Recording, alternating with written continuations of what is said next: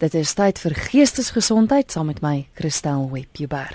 Nou genaamd, vanaand is my gas Susan van Niekerk en sy is daar van Elim Kliniek. Hallo Susan. Goeienaand Christel. Vanaand gesels ons oor alkoholgebruik onder minderjariges. Jy as luisteraar is welkom om saam te gesels. Miskien het jy 'n spesifieke vraag vir Susan of dalk beantwoord sy sommer jou vraag so in die loop van haar antwoorde. Jy kan saamgesels op 340 24 elke SMS kos jou R1. Jy kan 'n e-pos stuur via ons webwerf rsg.co.za of jy kan skakel ateljee toe 0891104553 Susan alkoholgebruik onder minderjariges. Hoekom is dit belangrik dat ons hieroor gesels Ja, ehm um, ek dink wat ons sien in die praktyk in Kristel is is dat definitief vir toename is in mense wat navraag doen vir vir behandeling, jy weet binne pasiëntbehandeling vir vir minderjariges en nie algemene navraag hoe om die die, die probleem daar rondom te hanteer. En met as jy kyk na adolessensie, dis 'n dit is 'n ontwikkelingsfase wat afstomagtig en stresvol beskou word en dit word gekenmerk deur wisselende emosies ehm um, soek of goedkeuring van ander in 'n tyd van weet ek ook eksperimenteer. En dis ook die tyd wanneer die tiener weet identiteit ontwikkel. Maar dit is ook die tyd en ek as ek nou daarvan praat, dan praat ek van jy weet onder 18 jaar en onder en dan hier van 12, 13 jarige ouderdom af wat hulle definitief blootstelling gaan kry aan alkohol en een of ander tyd vir die keuse te staan kom van ehm um, gaan ek gebruik, gaan ek nie gebruik nie en en eintlik moet weet hoe om hierdie situasie te hanteer. As jy kyk na um, 'n um, navorsing wat gedoen is, sê dit dat kinders wat voor die ouderdom van 15 jaar al begin alkohol gebruik, vier keer meer geneig is om 'n alkoholprobleem te ontwikkel wanneer hulle volwassenes is.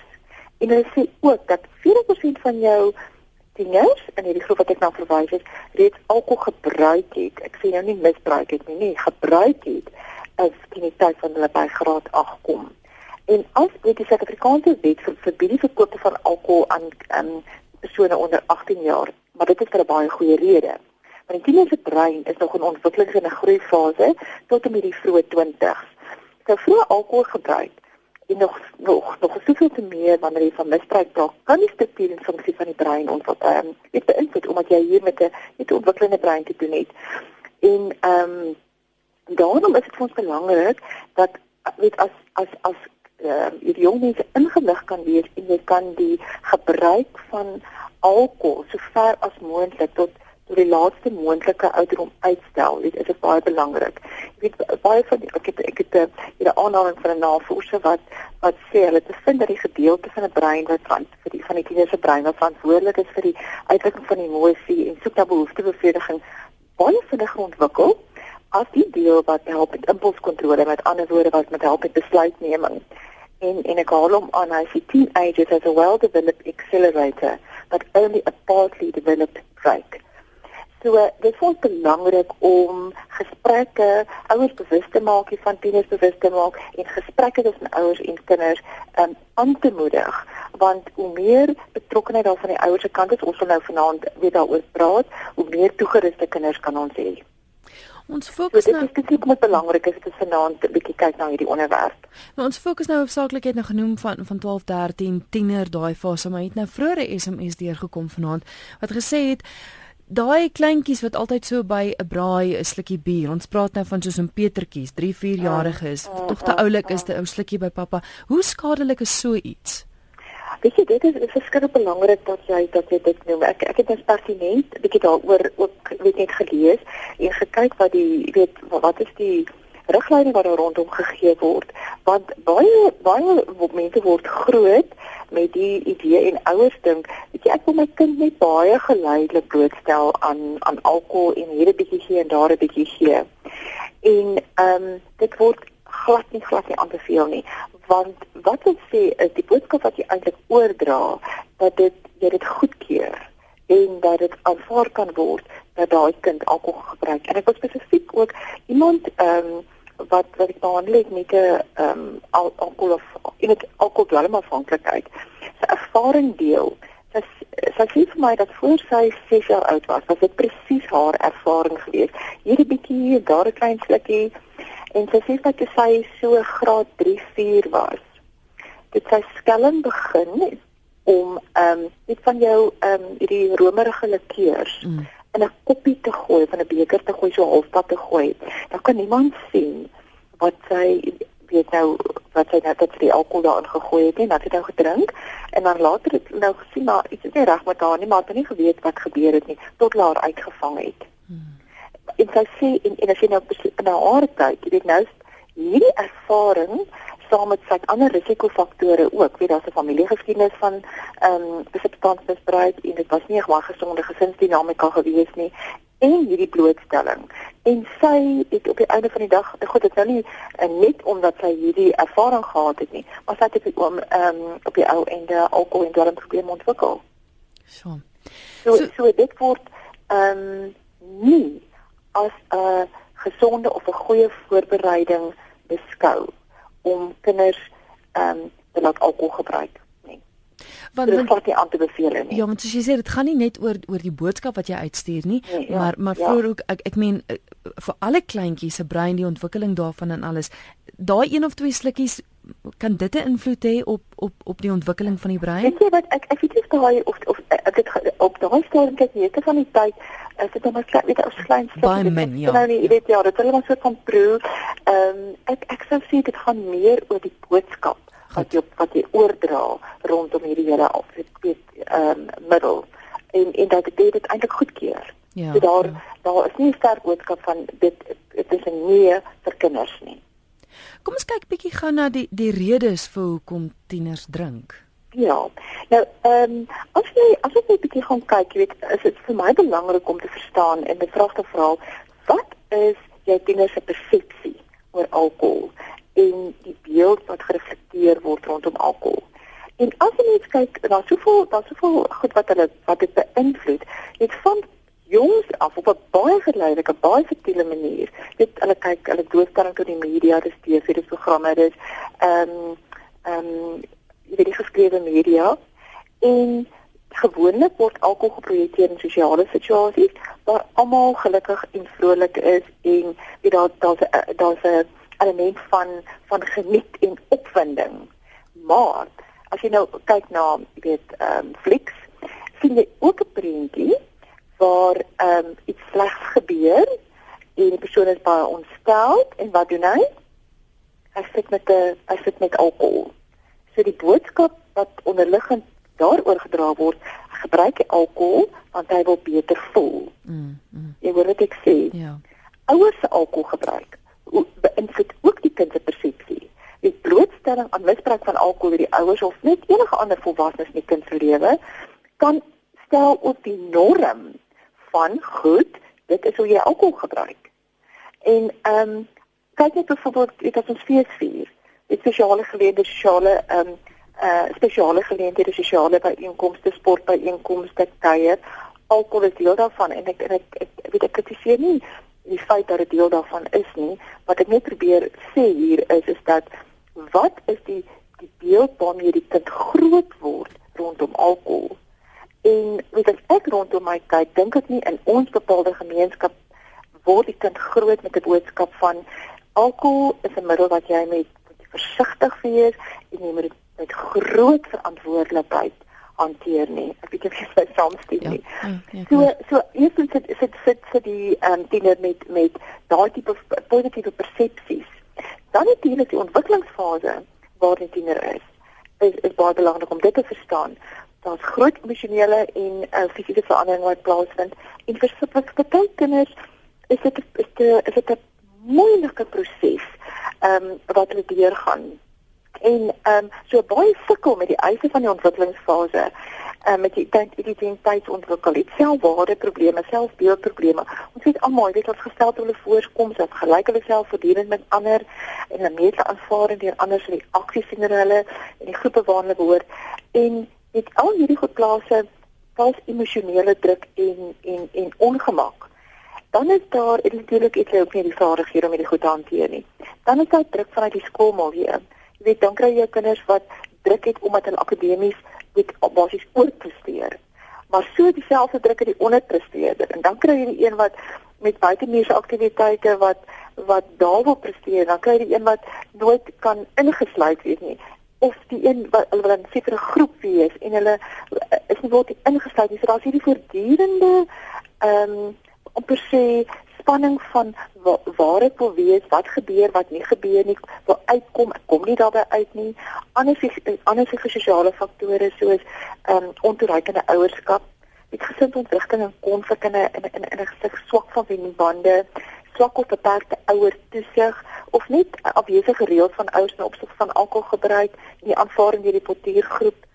Dan kan jy kinders se spesifieke ehm um, jy weet persoonlike kwaliteite soos jou kind wat rebels is, vyf van hulle plaas baie hoë waarde op onafhanklikheid en nie konformerend te wees. Hulle is nie regtig geïnteresseerd in skoolwerk en om wie te presteer nie of ehm um, hulle het nie vaardighede om grense te stel nie, maklik beïnvloed haar paar en dan ook as jy kyk na oorgangsfases soos byvoorbeeld wanneer uh, van die beweeg aanbeweeg van die laerskool na die hoërskool toe. Vir sommige van jou kinders is dit geweldig stresvol. Afskeiding van ouers, trek van een dorp of omgewing na ander, verskuif fiets van een net ook van een skool na 'n ander skool. Dan het jy genetika. So tekeners is daar 'n daar 'n familiegeskiedenis en uit die aard van sake van familiegeskiedenis het dan ehm um, dit is die risiko soveel uh, groter en daar kan ook genetiese faktore wees in terme van persoonlikheidstrekke soos impulsiwiteit of jy weet ander psigiatriese um, psigiatriese probleme soos depressie en angstigheid en weet dit is al goed wat ongemak skep, risiko's verhoog. Ja. En dan in hierdie fase, jou kind is uit, uit die aard van die saak baie nuuskierig, maar dit bereik sy toppunt in adolessensie. Dit dan neem hulle kans, hulle probeer nuwe dinge, want onthou hulle is besig om vir hulle self uit te klaar wie is ek, ehm um, wat wil ek my lewe doen, wie is my vriende, ehm um, waar gaan ek heen? So dis van daar waar waar al hierdie ehm um, gedragte vandaan kom en en dan natuurlik die portiergroep druk. Ons weet dit is op sy seker mees intense wanneer hulle in 'n tienerfase is en wie weet hulle wil aanvaar word, hulle wil deel van die ingroep wees en en hulle beleef die meeste druk as as hulle dan sosiaal verkeer. En as gevolg van die fase wat wat hulle is, is spandeer hulle meer tyd buite die huis. Jy weet wanneer hulle kuier weg van die ouers af So daar's baie meer blootstelling aan situasies waar die ouer nie die boordig is nie waarin hy keuses moet maak. So ek dink jy kan sien dat die, die ja. lys is lank, daar's ja. geweldig baie redes hoekom hoekom dinge drink. En die meeste van die tyd sal jy nou maar uh, dit sal 'n kombinasie van faktore wees. As ek kyk in my werkservaring, ehm um, die jongste persoon wat ek uh, weet ooit gesien het, ehm um, met vaart praktyk wat 'n alkoholprobleem gehad het, was 'n 14-jarige dogter gewees. En toe, soos ek sê, toe het sy reeds 'n uh, 'n uh, alkoholafhanklikheidsprobleem gehad. Ja. Die die groepsdruk sluit baie grootliks aan by die SMS wat deurgekom het wat sê ek het 'n 13-jarige dogter wat drink en wanneer jy vir haar sê dis nie goed nie, dan sê sy maar almal doen dit. So ja, nou ja, gemaak. Ja. Ja, dit is dit is jy weet nou sy al reeds 13 jaar oud en dit is dit is presies die standaard ehm um, reaksie, maar almal doen dit. Nou, as dit die kind 'n 13-jarige se persepsie is van almal doen dit. Wat weet wat sê sy vir ons van van die samelewing waarin sy waarin sy waarin sy verkeer? Ek dink dit is baie belangrik dat ehm um, ek dink nie dat 'n ouer dit net kan aanvaar om van 'n van 'n 13-jarige wat sê almal doen dit nie. Ehm um, ek dink dit is belangrik uh, dat dat dat hierdie ouer dit baie sterker al is sal dit beteken dat hy dan verder hulp moet kry oor hoe om hierdie situasie te hanteer. Maar ek dink sy sal baie sterker moet intree um, en en grense moet stel en in baie meer spesifieke gesprek met hierdie kind gaan. Ja, ons geskakel hier op RSG. Dit is nou 12:30. Jy luister na Geestesgesondheid vanaand gesels ons oor alkoholgebruik onder minderjariges en my gas is Susan van Niekerk van Elim Kliniek. Jy kan saamgesels op 34024 dis die SMS lyn dit kos jou R1. Gratis e-pos kan gestuur word via ons webwerf of jy kan skakel 089 1104553. Ek dink jy het, jy het so 'n bietjie daaraan geraak Susan, maar maar wat is die gevolge van alkoholgebruik en misbruik onder onder minderjariges? Ja, ek dink een van die groot goed wat wat vir my bekommer is dat jou tiener is nog nie emosioneel opgewasse om die gemoedsverandering wat deur alkoholgebruik teweeggebring word verantwoordelik te prosesseer nie. En hulle het ook minder fisiese toleransie vir die effek van alkohol as wat jy by ehm uh, by volwassenes sal kry. Met ander woorde is baie vinniger geaffekteer deur uit die afsig baie kleiner hoeveelhede ehm um, alkohol. Dit is dit 'n gedagte hou. Dit sê dit kan ehm um, kognitiewe en leerprobleme skep. Ek dink die grootste probleem wat ons het is dat dit affekteer hulle oordeel en hulle besluitneming. Mm, mm. En met die gevolg is dan wanneer hulle alkohol gebruik het, dan kan hulle betrokke raak by ander risikogedrag.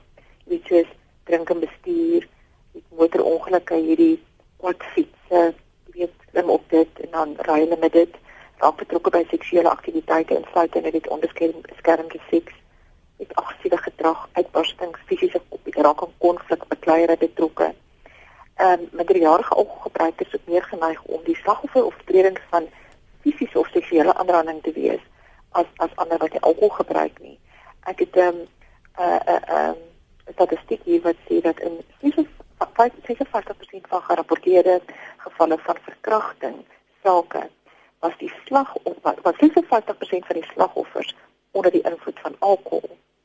En ehm um, en ook jonger, jonger as 15 ook, dan is daar ook die risiko vir betrokke raak by ehm um, met ander ander middels. Dan kry jy jy weet dit totale negatiewe effek op hulle groei ontwikkel want jy met 'n uh, groeiende liggaam mee te doen. Algemene ding wat ons baie keer uh, gerapporteer kry is alkoholvergiftiging. Jy weet omdat hulle net eenvoudig heeltemal te veel drink en dan moet hulle hospitaal toe gejaag word. Hoor risiko ook 'n hoër risiko vir selfmoord en dan ehm um, besering van hulself en ander. Susan, wat maak mens? Wat maak jy dan as jy ouer is? ja. Want kyk, ek ja. moet vir jou sê, skielik wens ek my kind bly klein. ja. Want maak wat maak jy? Ja.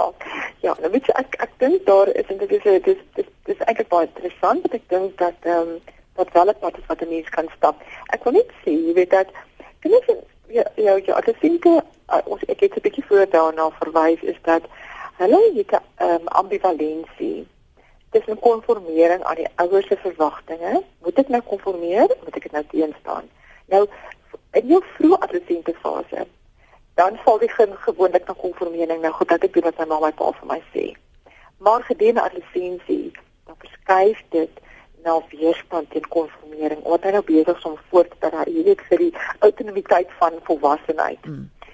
Maar as ons as ek as jy nou gaan kyk wat wat die navorsing sê is dan sê hulle die tieners voel en die grootste persentasie dat dit tot 80% van tieners het dui aan dat hulle ouers se opinie ten opsigte van hulle alkoholgebruik of nie vir hulle uh, baie belangrik is en 'n aanduidende faktor is. Ja. Waar dit kom by klere, musiek, daardie tipe van goed sê ag nee wat, daar moet die ouers dan nie te veel uh um inmeng nie.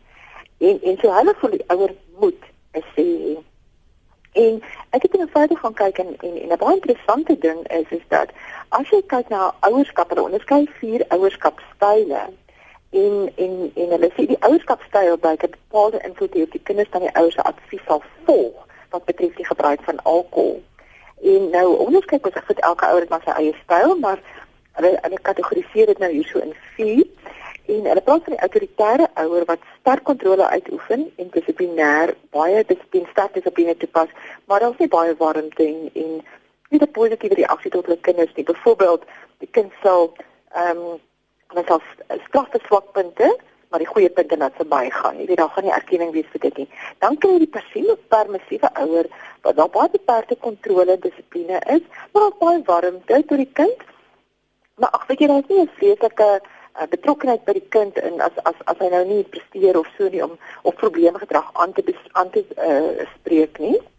Dan Dan kan jy ouers wat nou net hulle kinders verwaarloos, daar's geen kontrole op dissipline nie. Met ander woorde, daar's min warmte, daar's nie veel reaksie teenoor die kind nie en maak nie saak wat die kind aan doen met sy werk nie.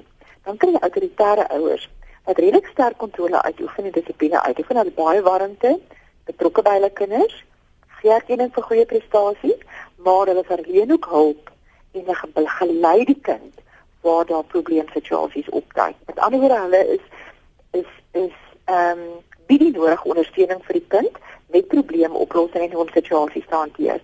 En nou sien jy navorsing dat die kinders van hierdie ouer groep, jy weet, waar daar ehm um, sterk kontrole uitoefen is, maar die ouers ook baie betrokke is, blykbaar ehm um, die beste uh en die mees positiefste ondersteun wat betref die ouers se leiding rondom alkoholgebruik. Dit is nie interessant nie. Hmm. Maak sin. Ja. So so wat wat ons wat aanbeveel word is dat die ouer jou kommunikasielyne oop hou van mm. vroeg in jou kind se lewe. En ouderdom gepaste gesprekke ten opsigte van jou indrukke, jou opinies, wat hoe jy dink oor alkohol en dra jou jou jou opinie duidelik oor, maar jy moet konsekwent daarin wees.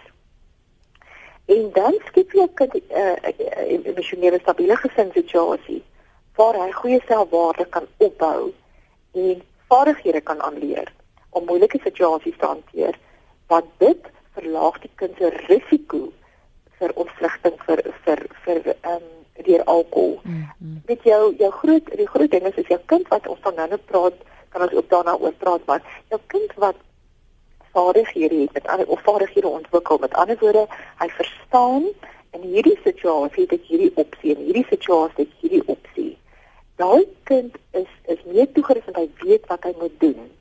En wanneer hy onder druk is, weet is die is die waarskynlikheid dat hy sal doen sy geleer is groter as die kind wat net nie weet nie en daai kind druk dan wie dan gee dan in onder onder druk. Mm. Daar is ook saam met ander ouers ehm um, oor reëlings van kinders en waarmee hulle besig is. Te praat met ander ouers. Moedig betrokkeheid by buitemuurse aktiwiteite en ehm um, die uitlei van belangstellings aan so die kind gesonde tydverdryfgewoontes kan ontwikkel en spandeer kwaliteit tyd saam met jou kind. Ehm uh, jy kan nie ehm um, jy gaan nie suksesvol 'n kind begelei as jy net eendag hier uit die bloute uit het nie regtig 'n nabyverhouding met die kind nie en nou wil jy met die kind praat oor oor alkohol nie. Ek ek dink die, die boodskap wat ek wil oordra dis 'n dis 'n ehm dis 'n toerusting wat plaasvind binne die konteks van 'n bepaalde verhouding mm, mm. oor 'n baie lang tydperk moet nie ook die alkohol aan iemand anders se kinders gee nie en dit wat ons net nou gesê het moenie vir jou kind probeer gewoond maak aan alkohol nie. Mm, daai boodskap wat jy uitstuur. Ja. Goed. Tekens, waarvoor moet ouers uitkyk? Jy het dalk 'n vermoede daar is ietsie fout. Is daar spesifieke tekens wat wat rooi ligte laat aangaan? Ja, ehm um, ek ek ek as ek oor die tekens praat, ehm um, Christel, wil ek nou net 'n keer waarskuwing gee en sê dat ehm um, die tekens wat ons nou kan van praat, dit kan ook uh, verwys met moontlik na dwelmgebruik. Dit kan ook moontlik verwys na jy weet ander ehm um, geestesgesondheidsprobleme of trauma ehm um, wat plaasgevind het. Die die die, die boodskap wat ek hier wil uitgee is is dat baie keer en ouers dan baie uh, later jare as hulle terugkom en met jou praat en hulle gee dan terugvoer oor jy weet ontwikkeling van afhanklikheidsprobleem of dan sê hulle sê weet jy ek het hierdie goed in die kind se tienerfase gesien maar ek het net gedink dit is maar net deel van die tiener wees want dit is nogal 'n uh, ek weet 'n redelike algemene opmerking mm -hmm. wat wat ons wat ons hoor en ek dink 'n mens moet meer ehm um, versigtig wees ehm um, kom ons kyk nou wat sal belangrik wees die heel eerste ding is is dat ehm um, as jy 'n betekenisvolle gedragsverandering by jou tieners sien net skielik oor 'n oor 'n tydperk, maar wat vir jou redelik betekenisvol is. Ehm um, dit dit sou vir my regtig wees. As jy opmerk dat daar ehm um, betekens van depressie is of net 'n 'n besondere vyhandigheid of 'n isolasie, weet waar die kwaliteit homself net heeltemal isoleer, Nou goed, nou weet ons ook dis die tyd van die van die studeer in die die uh, kamer wat toe is, maar jy gaan na die totaal, jy gaan nie net na die studeer kyk nie, jy gaan natuurlik na die totale prentjie kyk nie. Mm. Is daar of ander met vriende? Is daar 'n skielike verandering in voorkoms? Met ander woorde, minder sorg of minder omgee in die voor in die voorkoms? Is daar skielik net probleme by die skool? En as daar nou voortdurend oor baie jare al probleme by die skool is, dan het dit weer 'n ander betekenis, nê? Nee en waar die persoon miskien deur gekom het, dan dan kom hy nie meer deur nie, is al besig van die skool, dan daar's ehm um, klagtes rondom problematiese gedrag by die skool, eh uh, botsings by die gereg, leens of nie jy weet sulke faal antwoorde wat jy eintlik sin maak nie, aggressie, ehm um, wat dan nou eintlik nie sê deel is van wie hierdie kind is nie, 'n verlies aan belangstelling belangstelling in aktiwiteite, verandering in eet en slaapgewoontes en ehm um, nie baie meer problematiese ehm um, interaksie en verhoudings met met met, met familielede. Ehm um, as jy weet uit die aard van die saak kyk ons dan hierdie goed, ons kyk na patrone en ons kyk na hierdie goed in in verhouding met mekaar. Ehm um, en ook 'n verhouding tot met wie kind is en hoe die kind leer leer ken het. Nou as as die, die boodskap wat ons sê as jy bekommerd begin raak, moenie dit ignoreer nie. Jou eerstens, as ons nou kan kyk maar wat wat kan jy nou rondom hierdie goed doen ook? Dit is belangrik om praat met jou kind oor jou oor jou wat jy sien, wat jou besorgdheid is en ehm um, bly weg om veroordelend te wees. Ek dink dit is wat waarmee jou tieners die meeste ehm um, probleem dan het is hulle voel dan wie die die ouers soort van plaas klare etiket om hulle nek en sê wat dit is. En gee nie vinnig genoeg tyd om regtig vir hulle self te stel nie. En sê dan ook, jy weet, en al kan jy nie heeltemal die samewerking van jou van jou die nie kan jy sê, weet ek is besorg hoe jy goed en ehm um, dit is belangrik ek, ek gaan dat ons by ek kan kyk by wie kan ek hulp kry vir ons twee dat ons kan verstaan wat is besig hier om te gebeur. En vir meeste mense is die huisdokter die eerste kontakpersoon, maar dit is dalk al soveel ehm um, jy weet dat hulp soveel hulplyne dat hulplyne daar's ondersteuningsgroepe, weet jy kan op die internet en jy jy soort van sê net wat wat tipe inligting jy self uh, uh, nodig het dat jy 'n kontakpersoon kan kry wat jy mee kan 'n beginpunt kan kry en waar jy mee kan hulp gaan kry en tot jy op die einde weet waarmee jy te doen en wat verder jy te doen staan. Maar moet dit nie ignoreer nie, moenie net besluit, weet jy wat, dis nou sommer tiener kwale hierdie nie. En ek dink as jy daai oop verhouding met jou kind het, dan gaan jy daai verandering in gedrag of so gaan jy onmiddellik optel. Dis reg, dis hmm. reg. En, en en ook as jy die verhouding met jou kind het, ehm um, jy hanteer jou kind met die nodige respek. Dink dit is baie belangrik. Ehm um, jy weet gaan jy dit in een alhoewel dit gaan miskien so maklik wees, maar gaan jy 'n reaksie kry van ehm um, wat die kind jou seker goed gaan sê wat wat vir jou gaan 'n aanduiding gee wat aan die gebeur is. Maar uit die aard van die saak, hoe swakker jou verhouding met die kind is, ehm um, hoe moeiliker is dit. En en en en jy weet ons as ouers kinders het dan ook het ook 'n probleem met ouers wat self nie verantwoordelikheid neem vir hulle self nie en en dan kom en dan hulle wil aanspreek. Mm, mm, mm. Jy weet en dit dit so dit is belangrik dat jy as ouer dat jy jou kan met skoon hou want hoe hanteer jy 'n tiener as jy self alkohol misbruik? Nou wil jy die tiener aanspreek of ehm um, toerus hoe om dit te hanteer. Jy weet jy jy het nie die geloofwaardigheid om dit te doen nie. Ja, verskoning Engels practice. Ja, dit ja. ook baie die algemene ding is gestel wat ek wat dit wat gebeur is is dat ouers wil ehm um, kinders afskrik en ehm um, bangmaak stories gebruik.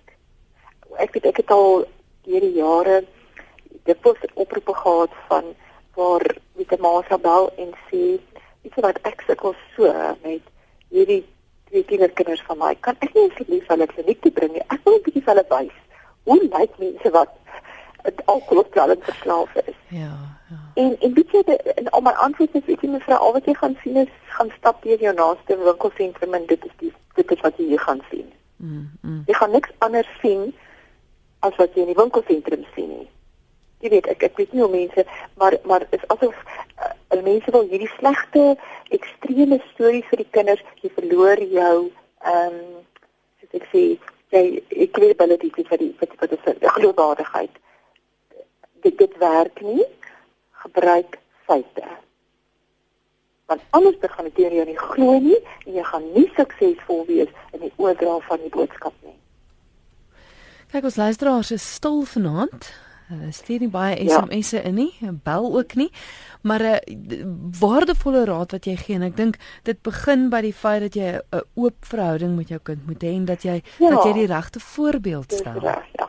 Weet jy, kinders, want wat gebeur as jy as jy wat verhouding dan vertel kinders vir jou wat by die dag tot dag goeders wat by die skool gebeur het en met aan in 'n ander interaksie met ander kinders gebeur het. En baie van daai situasies nê gee vir jou 'n uh, 'n um, 'n leergeleentheid. Wat jy net kan luister na die storie en dan vra jy net die volgende vraag om te sê en hoe jy dit toe nou hanteer. Jy weet dat jy die dat jy die dat jy die fokus begin plaas nie net op die storie nie, maar die boodskap oordra van hoe jy dit hanteer en wat het, wat is wat was die uiteinde daarvan en Ehm um, dink jy kon dit anders hanteer het of is daar 'n beter manier wat jy op dit kan hanteer het? Ehm um, dat die kind kan gewoond raak aan die dink oor die hantering van probleemsituasies. En dis eintlik 'n praktiese ding want jy kan vir kinders leer byvoorbeeld hoe uh, om grense te stel. Of as jy in 'n ongemaklike situasie is, hoe kom jy daar uit? Jy hoe kan jy net sommer net so weet jy kan net wegraak ehm um, hoe op watter manier kan ek nee sê sonder dat ek ongemaklik daaroor mm, voel? Mm, mm. En dan is dit ook belangrik is dat weet ons as volwassenes kan het nou sekere vaardighede bemeester. So wat jy sal vind met hulle is dat ehm um, jy sal moet hulle moet eksploreer waarmee sal sal die kind gemaklik wees. Want vir jou dis ag man, sê sommer net so. Dit beteken nie die kind gaan gemaklik wees om dit te sê nie en dit gaan nie werk nie maar jy kan saam met die kind dan nou sê maar goed kom ons kyk wat wat sal jy gemaklik wees om te sê in 'n situasie wat iemand vir jou sê hoorie so vat vir jou bier of wil jy nie saam met my iets drink nie? Dat jy dit dat jy saam met die kind dink en dan uh, weet jy dalk iemand vir my gesê ehm um, ehm um, tannie ek het alles dit gedoen en ek het gesê dat ek dit nie dit het net gesê verskoon my. Ek wil net gou getot hier toe gaan en dit het so die situasie uitgekom. Ja ja jy weet, maar dit is nou dit was nou vir haar gemaklik, maar nou kan 'n mens sê, goed, watse ander opsies het jy nog? So jy praat met hulle op 'n absolute baie spesifieke praktiese manier dat jy die prentjie in 'n kop kan begin met 'n kry van okay, ek het hierdie opsie, ek het hierdie opsie, ek het hierdie opsie. Ja, en ek dink daai groot ding en dit sluit amper die, die SMS wat ons gekry het ook daai absolute groepsdruk. Kinders is bang om te sê jammer, ek wil nie of ek gaan nie of ek Ja, ja. ja. En hulle hulle hulle hulle hulle verstaan nie ehm um, op ek weet hulle verstaan nie eintlik die is op sy die belangrikheid daarvan dat dit my keuse is en die ek is verantwoordelik om grense vir myself te stel nie want mense vrees nou nou verloor ek goedkeuring ja, van ander. Ja, ja. Maar dit in, in, in werklikheid gebeur dit nie so nie. Maar die ouer moet met die kind deur hierdie goeters praat. Ja. Ons het aan die einde gekom van ons program. Kan luisteraars julle kontak? Kan ons um, kontak op 011 of 9052951 of info at jelemkliniek.co.za. Dit is die e-posadres. Baie dankie Susan. Dankie Christel. Mooi aand jou. Mhm. Dis Susan van die kerk met wie ek gesels het. Sy is kliniese bestuurder daar by die Elim Kliniek en jy is welkom om haar te kontak vir Elim Kliniek. Hulle is spesifiek daar enige substansafhanklikheid. Hulle is daar om jou te help.